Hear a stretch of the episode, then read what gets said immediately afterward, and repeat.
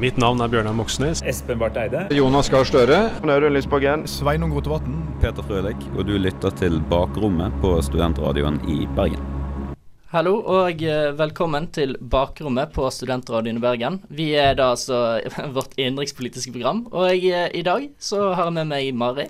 Hei, hei. Hei, Og etterpå så eh, kommer det en liten gjest, men eh, vi kan vente litt med det. Mari, hvordan har du hatt det den siste tiden? Nei, det er, noe, det er så sinnssykt travelt, men jeg har bare gått helt i sånn koma nå som solen kom, så jeg bare kaster alt vekk, og så er det fint vær. Mm. Og så nyter jeg det. Ja. Den dagen, eller de to dagene. ja, men det er veldig bra. Eh, jeg var ute og reiste i helgen, og så møtte jeg på eh, et lite problem. Eh, fordi for dere som kjenner meg, eh, jeg har en tendens til å snakke veldig lavt. Eh, vi har en magisk knapp her i radioen da, som gjør at det kanskje ikke høres sånn ut. Lenge leve den knappen. Lenge leve gain, ja. Nei, så jeg sto i taxfree-en. Og jeg, eh, jeg var jo på såkalt connecting flight. Og jeg, hun damen i taxfree-en først så spør meg vanlig på norsk sånn Skal du videre? Jeg svarer ja. Og så spør hun igjen Skal du videre? Jeg svarer igjen ja. Men hun har jo tydeligvis ikke hørt meg, så hun spør meg på engelsk. Uh, Are you on a connecting flight? Og som den kleine norske personen jeg er, så uh, ja, jeg bare svarte på engelsk, jeg. Så Nei, nei, nei. nei det ja. Jeg hadde gjort akkurat det samme. Mm. Det er kanskje det norskeste i verden, føler jeg. Men uh, dette er jo lokalkabal. Vestlandet. Yes. da Kjære Vestlandet. Jo, mm, da passer det jo at det er meg og deg, Bergensgjengen, som er på sending. Endelig er det Endelig. Bergensgjengen samlet. Bare oss. Ja, det, eh, det tror jeg blir veldig gøy. Vi skal snakke om alt fra Førde til Bergen og Nei, jeg eh, tror det blir eh, veldig, veldig god stemning. Så når vi kommer tilbake, så skal vi introdusere gjesten vår, blant annet. Og ja, begynne å snakke litt om Vestland. Mitt navn er Peter Frølik, og du lytter til Bakrommet på Studentradioen i Bergen. Vi har med oss en eh, gjest i dag. Pål Karbø, du er jo Hordalands eh, siste fylkesvaraordfører noensinne. Har du lyst til å introdusere deg selv?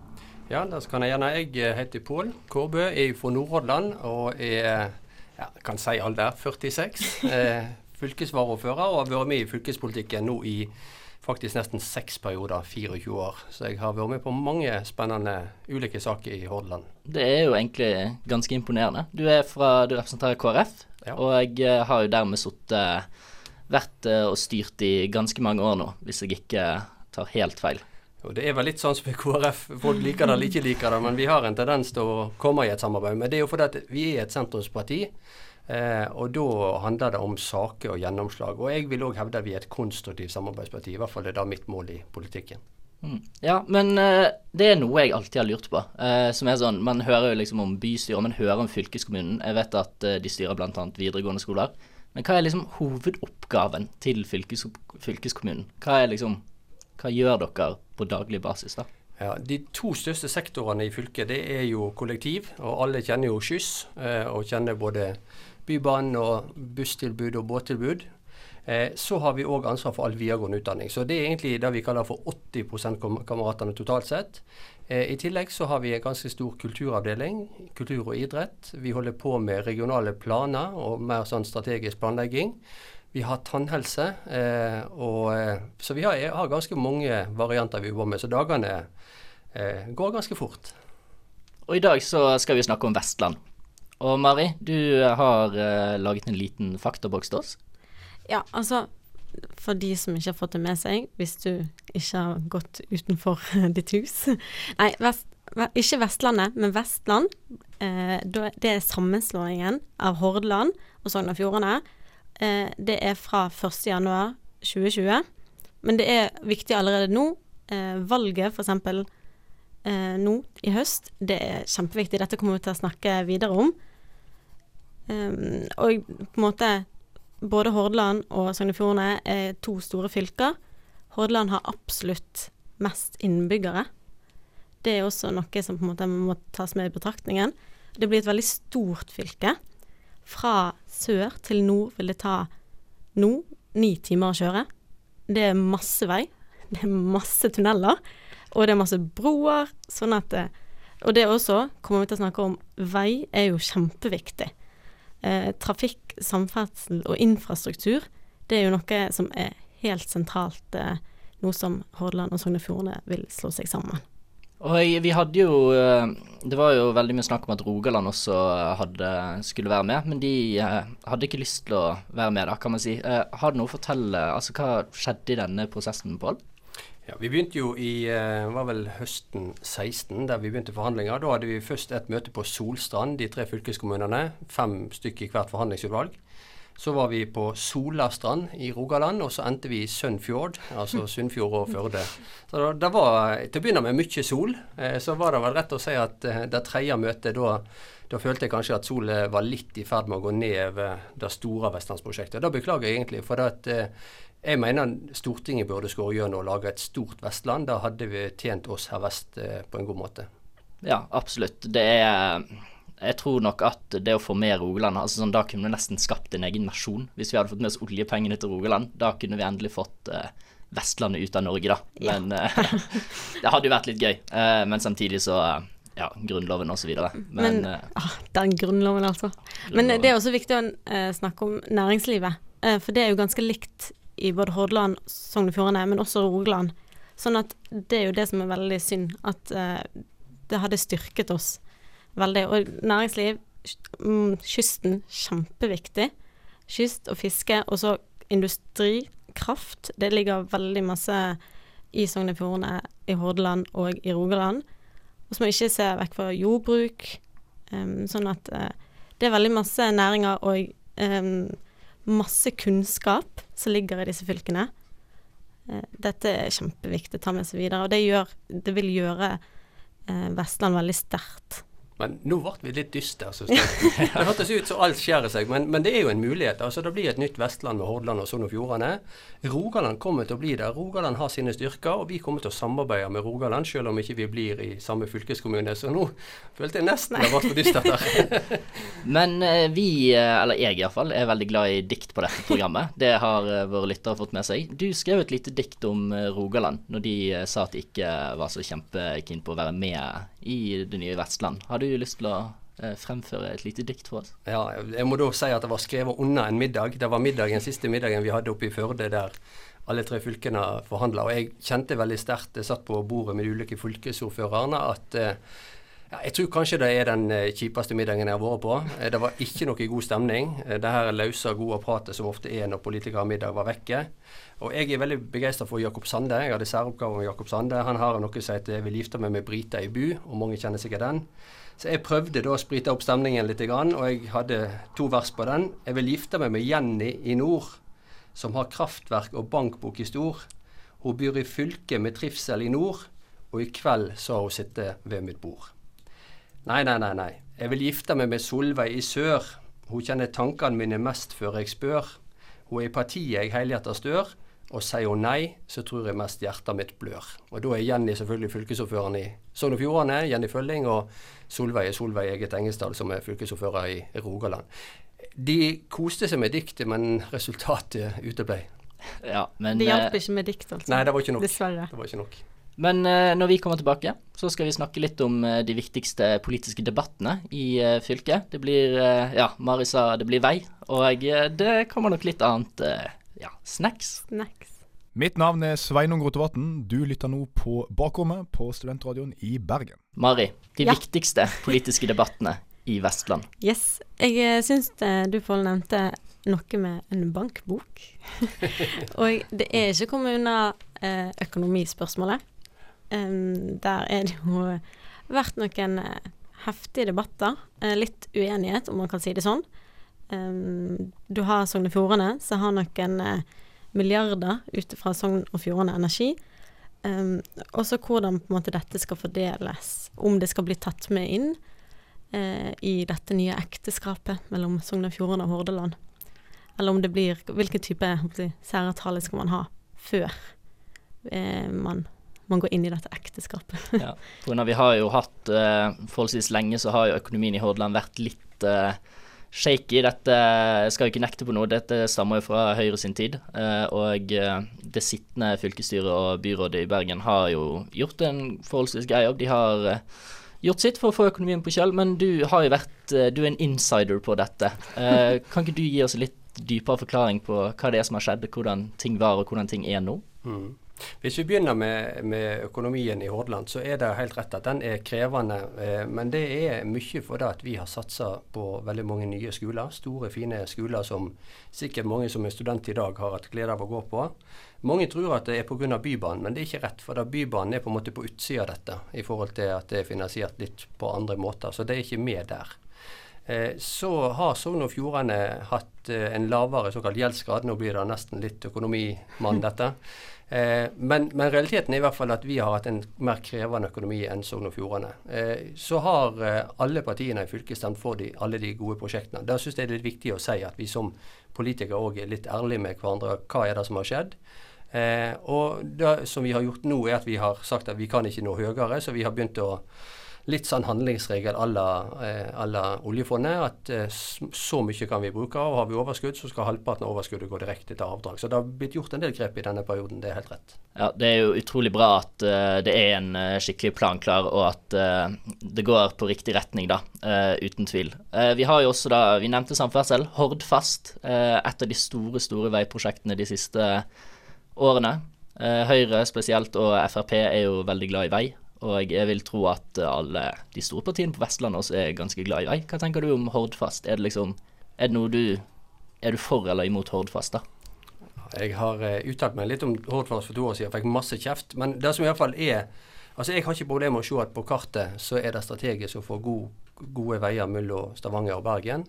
Eh, og at eh, det å få et stort samferdselsprosjekt, uansett hvor det ligger, betyr kjempemasse. Man har Nordlandsbrua, man har Trekantsambandet, man har Hardangerbrua. Og alle disse tingene er viktige for utvikling eh, i forhold til bosetning og, og næringsliv. Så vet vi at eh, Hordfastprosjektet er et stort prosjekt. Det er òg andre store prosjekter i Hordaland, bl.a. Sotrasambandet som blir bygd. Så det er nok eh, Nå skal vi akkurat diskutere dette på nytt i en såkalt nasjonal transportplan. Eh, og Der blir det en diskusjon om rassikring, som er en utfordring både i, i Sogn og Fjordane og Hordaland. Det blir en diskusjon om eh, fylkesveier. Jeg var så uheldig å si til fruen at her var det veldig dårlig asfalt, så jeg vi kjørte på en vei ute i Mæland. Så fikk jeg ganske fort beskjed om at ja, men det er jo en fylkesvei. Og det er helt rett, der har vi store utfordringer. Eh, og så har vi en utfordring i forhold til klimaperspektivet totalt sett. Skal vi bare bygge oss ut? Men samtidig så vet jeg at det er behov for nye prosjekt, og dette skal vi eh, Jeg har ikke lyst til å være for, for eller imot. Eh, dette må vi jobbe videre med. Uh, Mari, du uh, hadde jo litt fakta på Hordfast, litt om tidssparing osv. Ja, det er jo altså Sånn som jeg sa i begynnelsen, så vil, vil det å kjøre gjennom fylket fra sør til nord, det vil ta ni timer. Hvis du ser f.eks. Stavanger-Bergen, så vil det i dag ta ca. fire og en halv time, da. Eh, med Hordfast eh, så, og Rogfast så vil det ta to timer. Det er jo betraktelig mye mindre reisetid. Um, men sånn som for, for min del òg, så er jeg veldig sånn usikker på om jeg kan si ja eller nei. Men sånn som jeg har masse familie i Sogn og Fjordane, vi har hytte der, og for meg så er det det viktigste er at vi kan reise dit utenom å på en måte være bekymret. Jeg husker jeg var liten og så så opp på disse fjellveggene. Jeg bare ventet på at det skulle komme en stein rasende ned. For det, det er så ekkelt å kjøre der, og det er ikke trygt. Og det er så mange som lever med utrygge veier. Og det, det er det de kjører på, utrygge veier. Så jeg tenker sikkerhet først og fremst. Ja, det er jo E39 som er det andre prosjektet. da, Rassikre veien mellom Bergen og Voss. Fordi det er kåret til verdens, eh, Norges verste vei. Eh, ved Det er ikke så lenge siden NRK hadde en eh, kåring. Og jeg, ja, det er jo en interessant debatt. Absolutt. Men litt videre, da. Eh, du nevnte videregående skoler i sted. Og jeg, det er veldig bra at eh, de videregående skolene forbedres, og det er utrolig viktig. Men det frie skolevalget.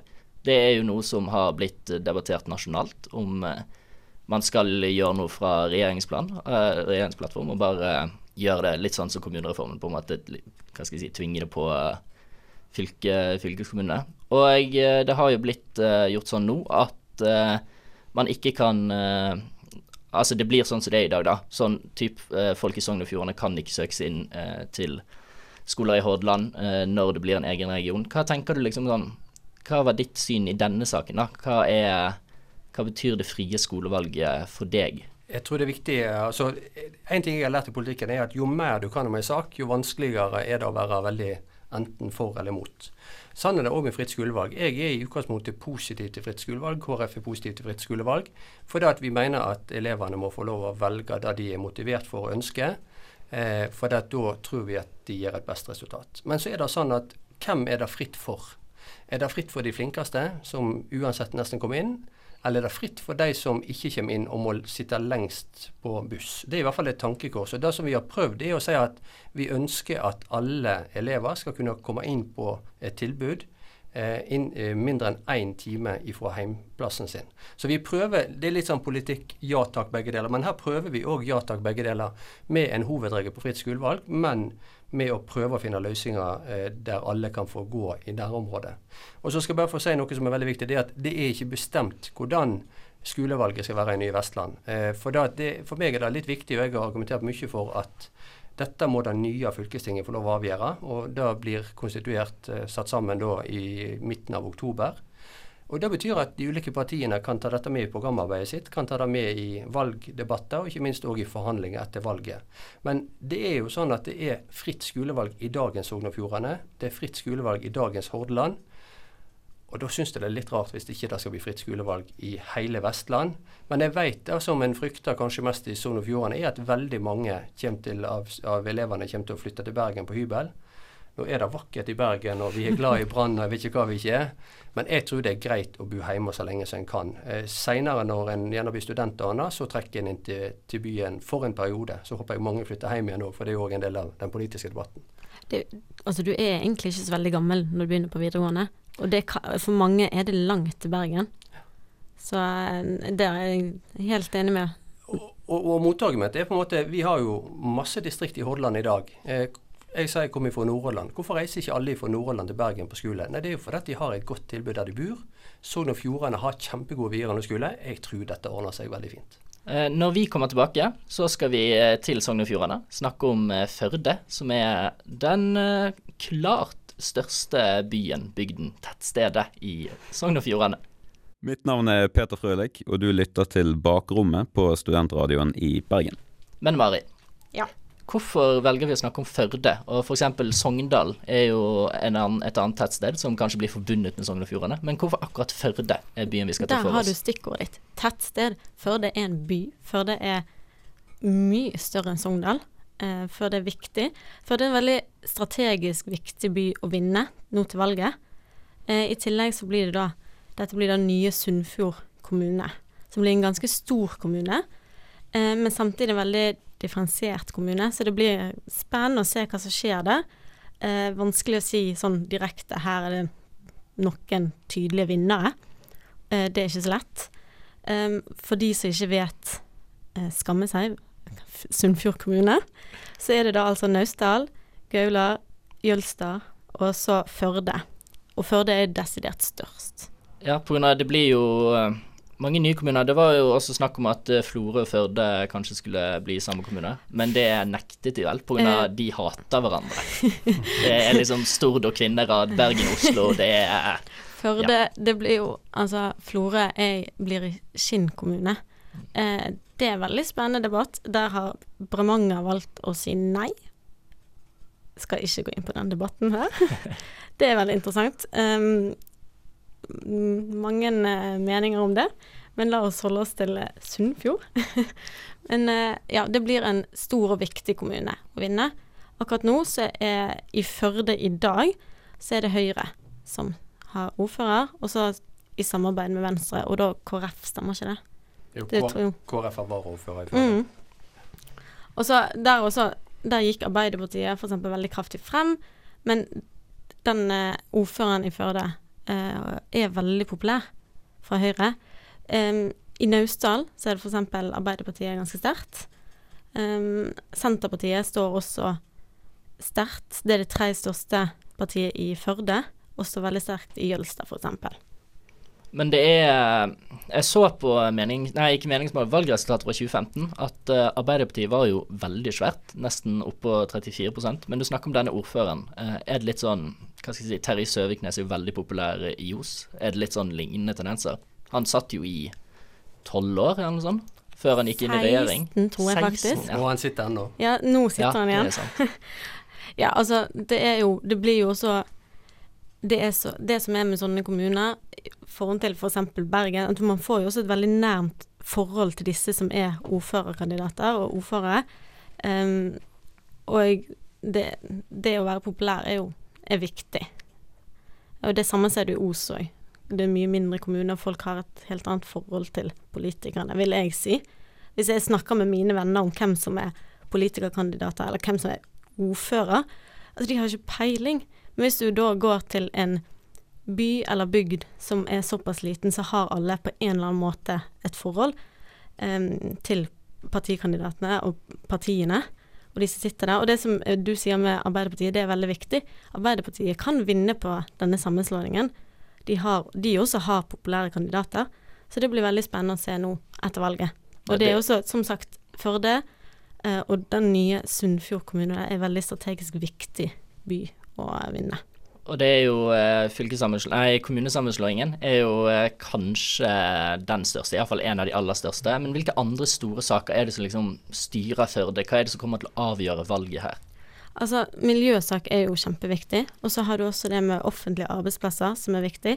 Nå er det jo ikke Førde som egentlig er regionsenter. Og for å bøte på det gjerne, så får de eh, offentlige arbeidsplasser. Um, men det er veldig viktig at eh, ja, hva skal jeg si, arbeidsplassene blir fordelt ut. Eh, og det er også da en veldig viktig sak nå frem til valget. Og Pål, du er jo i hovedsak basert i Hordaland. Men eh, Førde, hva, har du noen tanker om Førde? Som, eh, det kan jo fort være det som styrer den nordlige delen av Vestlandet, kan man si, siden det er såpass mye større enn andre. Men hva tenker du om Førde, da, den politiske situasjonen, om KrF sin rolle der, og så ja, litt om det, da. Eh, jeg har vært heldig. For det første så er det nå eh, 59 kommuner i dagens Hordaland og Sogn og Fjordane. Og jeg, jeg, mener det skal ned til 43 eller 45, i hvert fall omtrent der. 43 stemmer. Ja.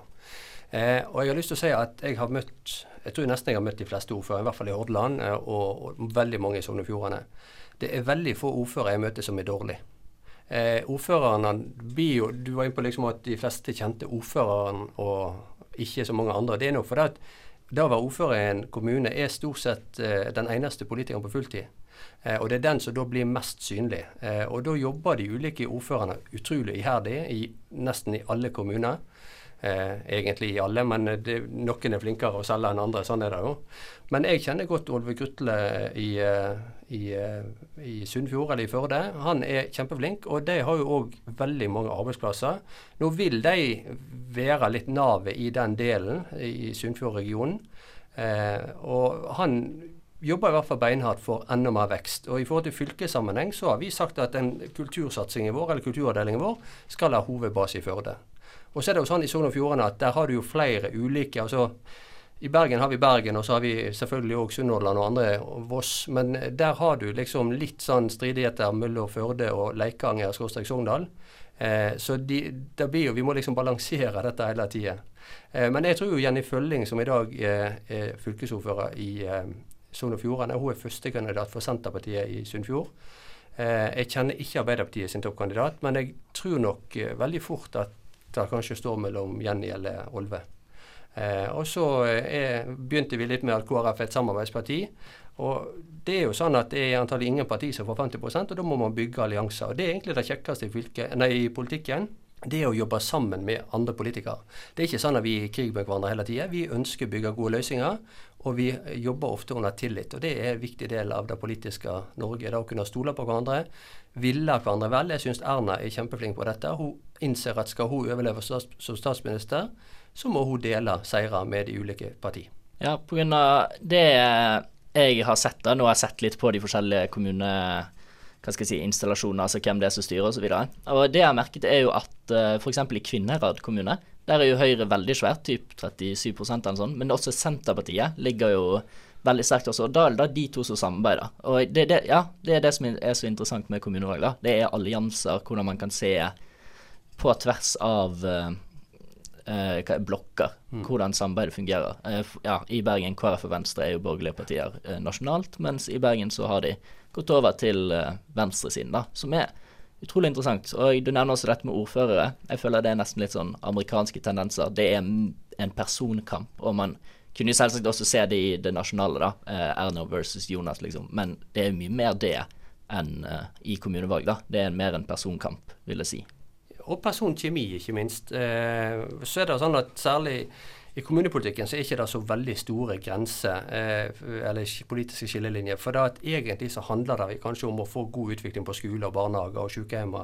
Og der er en kanskje enig om de store løsningene tverrpolitisk. Og når vi kommer tilbake, da skal vi komme til det jeg har gledet meg mest til i hele semesteret. Og det tror jeg også Mari har gledet seg veldig mye til. Og jeg håper du også, Pål, eh, er klar for å snakke om Bergen. Dette er Liv Signe Navarsete, og du lytter nå til Bakrommet. Bergen. Nå skal det skje, Nå skjer og det. nå skal vi kose oss. Mari, de viktigste sakene i Bergen by. Um, for meg eller for Bergen? Nei, det er vel litt altså- av det samme. Det er jo ikke kommet unna denne bompengedebatten. Uh, vi har også her også Vi nevner økonomi, men også Jeg har en brenner mye for det kollektive. Um, Vi hadde en liten diskusjon om Bybanen uh, i går. Ja. det er spennende å diskutere. Um, kommer ofte opp i bybanedebatter. Litt oftere enn jeg eh, egentlig har lyst til. Um, noe som også for meg er veldig viktig, er kultur. Eh, kulturtilbudet. Um, men det er på en måte samferdsel og helse, og så skole. Ja. Så det er på en måte Det er vanskelig å touche borti alt, men vi får prøve å ta litt. litt. Ja, definitivt. Eh, og en av de eh, store sakene, da, eh, det er jo i ditt KrF. Det har jo eh, Jeg skal ikke touche for mye på det, men det har jo vært utmeldinger, og bystyret har jo blitt rokert litt om. eh, spesielt Dag Inge Ulstein, når han gikk ut, så kom det også en ny representant inn. Eh, tror du dette skadet bystyret veldig mye, eller har fortsatt liksom er Byrådet, mener jeg har fortsatt eh, Arbeiderpartiet, KrF, Venstre, SV osv. Har de fortsatt den kontrollen som de har hatt, eller har, føler du de har liksom mistet det litt, da? Jeg har litt lyst til å være litt forsiktig med å synse for mye om Bergen, men jeg skal likevel si en del. Altså, ar- Samarbeidet i Bergen har, har vært godt, sånn som jeg oppfatter det, mellom Arbeiderpartiet, eh, Venstre og KrF. Og det var jo en litt spesiell Det er kanskje, kanskje eneste plassen i landet det er den type koalisjon. Eh, jeg oppfatter at de har anerkjent hverandre seire, eh, men så ser vi på meningsmålingene at eh, alle tre partiene går ned. og Det betyr jo da at disse tre partiene, med mindre ting snur, antagelig ikke klarer å, skal, å alene ha flertall i, i bystyret. Og Da er jo spørsmålet hva skjer, hvem er det da som påvirker, og eventuelt får du nye konstellasjoner. Og hva skjer med bompengelister, er jo selvfølgelig et spørsmål. Absolutt. Den siste meningsmålingen eh, fra 16.3, den viser jo Arbeiderpartiet ned på 20,6 eh, Det er en nedgang på 15 eller sånt fra valget, som er helt ekstremt. Høyre er oppe på 30% og er det klare lederpartiet, men du har sant, et veldig sterkt SV. Eh, Venstre gjør det jo utrolig svakt. Eh, KrF kunne nok gjort det bedre, eh, og eh, ja, men det er bompengepartiet som er den store jokeren, da. Det er Hva tenker du, Mari? Tror du bompengepartiet er typ Sverigedemokraterna som nekter å samarbeide med mindre de kommer inn i byrådet, eller kan de være villige til å være støtteparti? Nei, jeg synes det er litt drøy sammenligning, men jeg skjønner hva du mener. Det som er liksom spennende, er på en måte Det er jo en interesseorganisasjon, og hva skjer når de ikke har mer å spille på på sin sak? Hva skjer hvis Eller når, forhåpentligvis, denne bompengesaken blir avgjort, ferdig, avklart, uansett hvordan, hvilken vei han snur seg. Og han vil jo alltid på en måte ligge der, det vil jo alltid være et politisk spørsmål. Men hva annet? Og hvilke andre saker har de å spille på? Og det syns jeg på en måte Hvis du kan dra det så langt og si at det er litt skummelt å se at de er blitt så store. Um, det er vanskelig å vite tydelig Nå blir det jo sikkert bedre nå frem mot valget at de er mer tydelige, men hva annet enn folkeaksjon nei til mer bompenger, hva er deres kjerneverdier?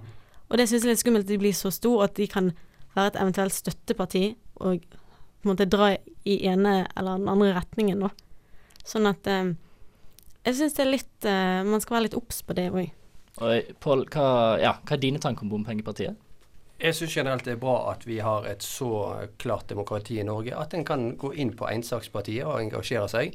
Samtidig så eh, har jeg lyst til å si at det er i hvert fall viktig å tenke gjennom hva er politikken innenfor barnehager, hva er politikken innenfor helse osv. Eh, Bompengesaker er vanskelig, og vi andre politikere skal ta inn over oss at det er stor irritasjon og frustrasjon. Eh, samtidig så har det vært gjort løft i Bergen med miljøløftet og bybanesatsing. Det som jeg tror er hovedfrustrasjonen og irritasjonen, er at veldig mye av disse løftene har kommet i, i sør og i vest.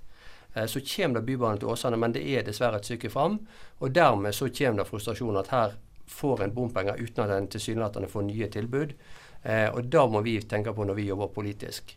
Eh, men det er absolutt lov å engasjere seg i ei enkeltsak. Men eh, samtidig så eh, kan det hende at man møter seg sjøl i døra. For at med dagens regjering, som òg har sagt de skal gjøre ting på bompenger, så har det aldri vært så mye bompenger som før. Eh, og det er utfordringen tverrpolitisk, egentlig. Ja, jeg tror eh, alle partiene har eh, hva skal jeg si, sitt å si på disse bompengene. Um, det har vært Oi, beklager. En litt eh, en veldig problematisk sak. Og du har jo disse hva er det, syv nye bomringer som åpner nå på lørdag, og det har allerede vært hærverk osv. på de. Um, jeg føler selv det å åpne bomringer etter det kaoset det har vært, det er jo litt bensin på bålet. Som, eh, men samtidig så Ja, det blir veldig spennende, da. Jeg tror definitivt jeg Personlig i hvert fall tror jeg at Bompengepartiet kan avgjøre det valget, da, pga. de kommer til å havne på vippen. Litt sånn som KrF da, med stortingsvalget i 2017.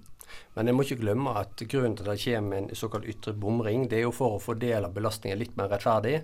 Og så snakker de jo sammen, disse både ytre og indre bomring. Eh, og eh, ja, jeg skjønner folk blir irritert for det at en skal være med og betale, men vi må òg se hva får vi igjen for det. Vi har fått en mye renere byluft. Vi har fått uh, en bybanesatsing uh, som vi alle gjerne skulle ønsket gikk enda fortere. Eh, og vi har fått et veldig mye økt kollektivtilbud. Vi i fylket har brukt veldig mye av noe som heter belønningsmidler til å ha økt avgangene. Jeg mener tallet er 500 flere avganger, og det er klart det merkes. Absolutt. Eh, og eh, kanskje det største Eller ja, vi snakket også om bompengene som kan avgjøre valget. Men det, noe annet som kan avgjøre valget, det er jo KrF og Venstre sitt veivalg. Um, nå har de uh, vært på venstresiden i fire år, og nå er spørsmålet da, kommer de tilbake igjen til borgerlig side? Har regjeringssamarbeidet gjort det mulig for Venstre og KrF å vende tilbake mot Høyre og Frp? Jeg tror regjeringssamarbeidet kan påvirke. Eh, absolutt. Samtidig så er det jo det som blir sagt at det handler om politisk gjennomslag. Eh, og så er det jo sånn, nå prøver jeg å være litt eh, analytisk til dette. så det er klart Arbeiderpartiet bytter toppkandidat. Eh, det gjør eh, det åpnere.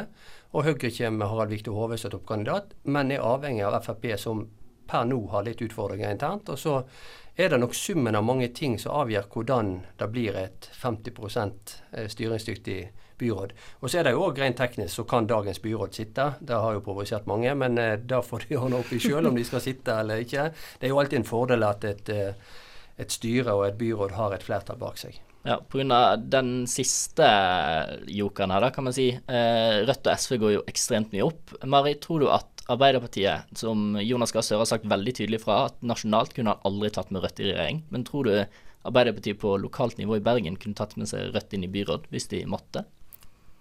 Det er vanskelig, men ja, egentlig så tror jeg det. det ja. Jeg syns dette her er kjempespennende, og jeg, jeg selv for min del, men jeg syns det er så vanskelig å avgjøre. Og så plutselig kommer ja, plutselig, plutselig, men Joker, sånn som vi har snakket om, eh, nei til med bompenger. Men jeg det er vanskelig å si, altså.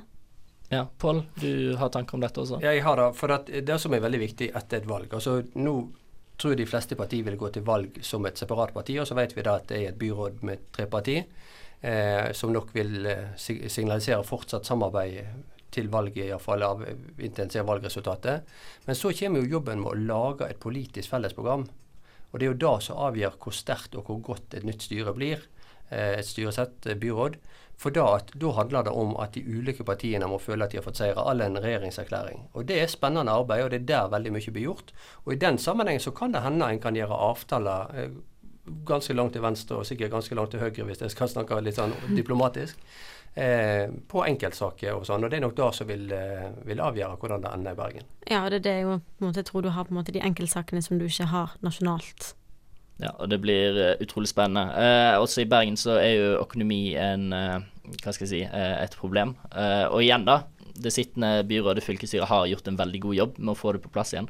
Men tror du at hvis da f.eks. borgerlig et borgerlig byråd, KrF og Venstre blir med over, da, bare rent hypotetisk, tror du at de kan fortsette den trygge styringen med økonomien? Eller er det en litt sånn kjip mulighet da med at det kan gå i feil retning? Jeg tror at uh, alle på en måte seriøse politiske partier kan styre økonomien. Det er ikke sånn at noen kan styre, andre kan ikke styre. Men vi vet at dagens økonomi i Bergen er ganske god. Eh, og så har de òg vært ærlige på at de trenger eiendomsskatt, og det har jo vært litt av utfordringen. Eh, det å bare fjerne den inntektskilden får konsekvenser ute i tjenesteproduksjonen. Det er naivt å tro noe annet. Vi kan bare gjøre sånn som Fana kommune gjorde. Vi kan selge Fyllingsdal for 1,5 millioner. Ja, det er sant. Jeg, jeg gøy fun fact. Gammel Fana kommune solgte Fyllingsdal til Bergen. Fana Bergen. kommune. Um, men eh, den kommunen finnes ikke lenger, og på samme måte som at dette stikket Selv, finnes selv. ikke lenger. Nå skal vi videre eh, til et eh, fristikk hvor vi skal oppsummere litt og ja, ha det, fortsette å ha det koselig. Mitt navn er Bjørnar Moxnes, og du lytter til Bakrommet i Studentradioen i Bergen. Du hører fortsatt på Bakrommet, Studentradioen i Bergen sitt innenrikspolitiske program. Og Mari, du har et uh, viktig spørsmål å stille Pål. Jeg lurer på, kommer folk til å merke forskjell- når vi går fra Hordaland og Sogn og Fjordane til Vestland? Eh, På kort sikt tror jeg ikke. Jeg tror ikke sånn du går og legger deg eh, nyttårsaften Å, nå legger jeg meg i Hordaland og står opp igjen i Vestland. Eh, men det er klart på lengre sikt så er jo målet at vi skal bli en sterkere region. Eh, at vi skal utnytte våre næringsfordeler. At vi skal få mer kompetansearbeidsplasser. Eh, at studenter ikke på en måte skal ha som førstevalg for de som har det å reise til Oslo, for det er der de store konsulentselskapene er offentlige arbeidsplasser. Hele målet med regionreformen var jo å dra oppgaver til Vestlandet. For at vi har ingenting å skjemme oss over. Vi har eh, en god kultur, og det har vi snakka mye om. Dette med vestlendinger, hva kjennetegner vestlendinger? Jo, det er den som er vant til å gå litt oppover oppoverbakke og stå litt i blåst, og si at nå bare skjærer vi gjennom, nå løser vi ting. Så vi må ta med oss disse gode verdiene. Eh, Så vil skyss gå som før 1.1. Kringom i Sogn og Fjordane vil gå som før. Det var jo noen på 1. april som sa at dette skulle hete kryss. som jeg. eh, så litt over tid så vil vi samordne enda mer, men målet er jo da at dette skal gå eh, smertefritt, men at det blir en sterkere politisk region enn vi har vært hver for oss. Og jeg tror kanskje mye av det, det du nevnte nå om identitet, vestlendingen, at det på en måte Det er jo det som samler oss, selv om vi er ikke så ulike som alle ma Mange som er litt imot og litt negative, vil tro. tro. Og så er det òg litt når du slår sammen ting, så var jo interessant å sitte i disse forhandlingene der vi sa at sånn pleier vi å gjøre det i Hordaland, sånn gjør vi det i Sogn og Fjordane. Og så fant vi ut at oi, deres måte, dere gjør det på en smartere måte enn oss. Og innimellom så gjorde Hordaland ting på en smartere måte. Det er jo, det er jo tanken at vi skal utfylle hverandre. Og så eh, vet alle at når det blir snakk om fusjoner, så blir det litt geografi, og det har vært en utfordring. Hvor skal dette lokaliseres? Eh, der har vi òg fordelt både i Leikanger og i Førde og i Hordaland. Eh, sånn at eh, jeg håper at folk kjenner at en enda sterkere identitet. Og så er det jo ikke tilfeldig at vi har kalt oss for Vestland, ikke Vestlandet. For da skjønte vi til og med vi var litt, litt vel eh, vågalt. Men Vestland det er jo eh, en sterk landsdel med masse naturressurser og kompetanse. Fordi jeg tror kanskje det aller viktigste er at eh, Eller al- viktigste, viktigste, men det at vi beholder identiteten vår. eh, Det at vi eh, Altså hvis vi hadde slått oss sammen med Buskerud, liksom, så hadde jo hele Vestlandet mistet eh, ja, identiteten, og vestlendingen hadde blitt eh, problematisert, kan man si. Men eh, det er bra at vi bergensere og sogn og fjordinger og osv. er kystfjord. Det var vel alle kommunene kommer til å ha kystlinje? I, når du slår sammen de kommunene som skal slå sammen, så kommer alle kommunene eh, i Vestland ha kystlinje. Til og med Voss. Til og med Voss. Men det jeg tenker, jeg var forrige fredag på en konferanse der det var fokusert litt vel mye på dette med Vestland og Østland. Eh, og Det som jeg lærte veldig godt den dagen, er at egentlig ikke det det farligste med Vestland og Østland. For motstykket er kanskje utland. Eh, de store bedriftene som kanskje flytter eh, på seg, de flytter ikke liksom rundt om omkring i Norge, de flytter ut av Norge. Så utlandet er det vi skal jobbe mot eh, og, og matche oss med, og ikke altfor mye innad, selv om jeg har snakka en del om å ta makt til Vestlandet i dag. Det var beklageligvis eh, alt jeg hadde for det eh, informative på denne sendingen. Eh, skjer det noe gøy i helgen, Pål? Hva skal du i løpet av neste uken? Jeg skal ut og nyte solet. Eh, neste uke så er det mye konferanser i Oslo. Og, og så skal jeg på NHO-møte. Så skal jeg på Heim 2 onsdagskveld. Det gleder jeg meg masse til. Jeg har ikke sett den. Der er det jo vestlandsidentitet så det holder. Det er veldig bra. Mari? Jeg skal faktisk ut på radio på søndag. Så jeg håper jeg får gått på tur. For nå har jeg sittet så mye bak en PC og prøvd å få orden på alt mulig. Så jeg skal ut i solen. Ja, du kan eh, laste ned podkasten på iTunes og Spotify hvis eh, du har lyst, eh, Pål. Så kan jeg kjøpe en bakrommekopp til deg hvis du har lyst til å ha den på kontoret. Alltid kjekt å ha minne på hvordan den har vært. ja. Så ja, egentlig. Last oss ned. iTunes, Spotify. Vi setter alltid pris på lyttere hvis du vil høre oss igjen.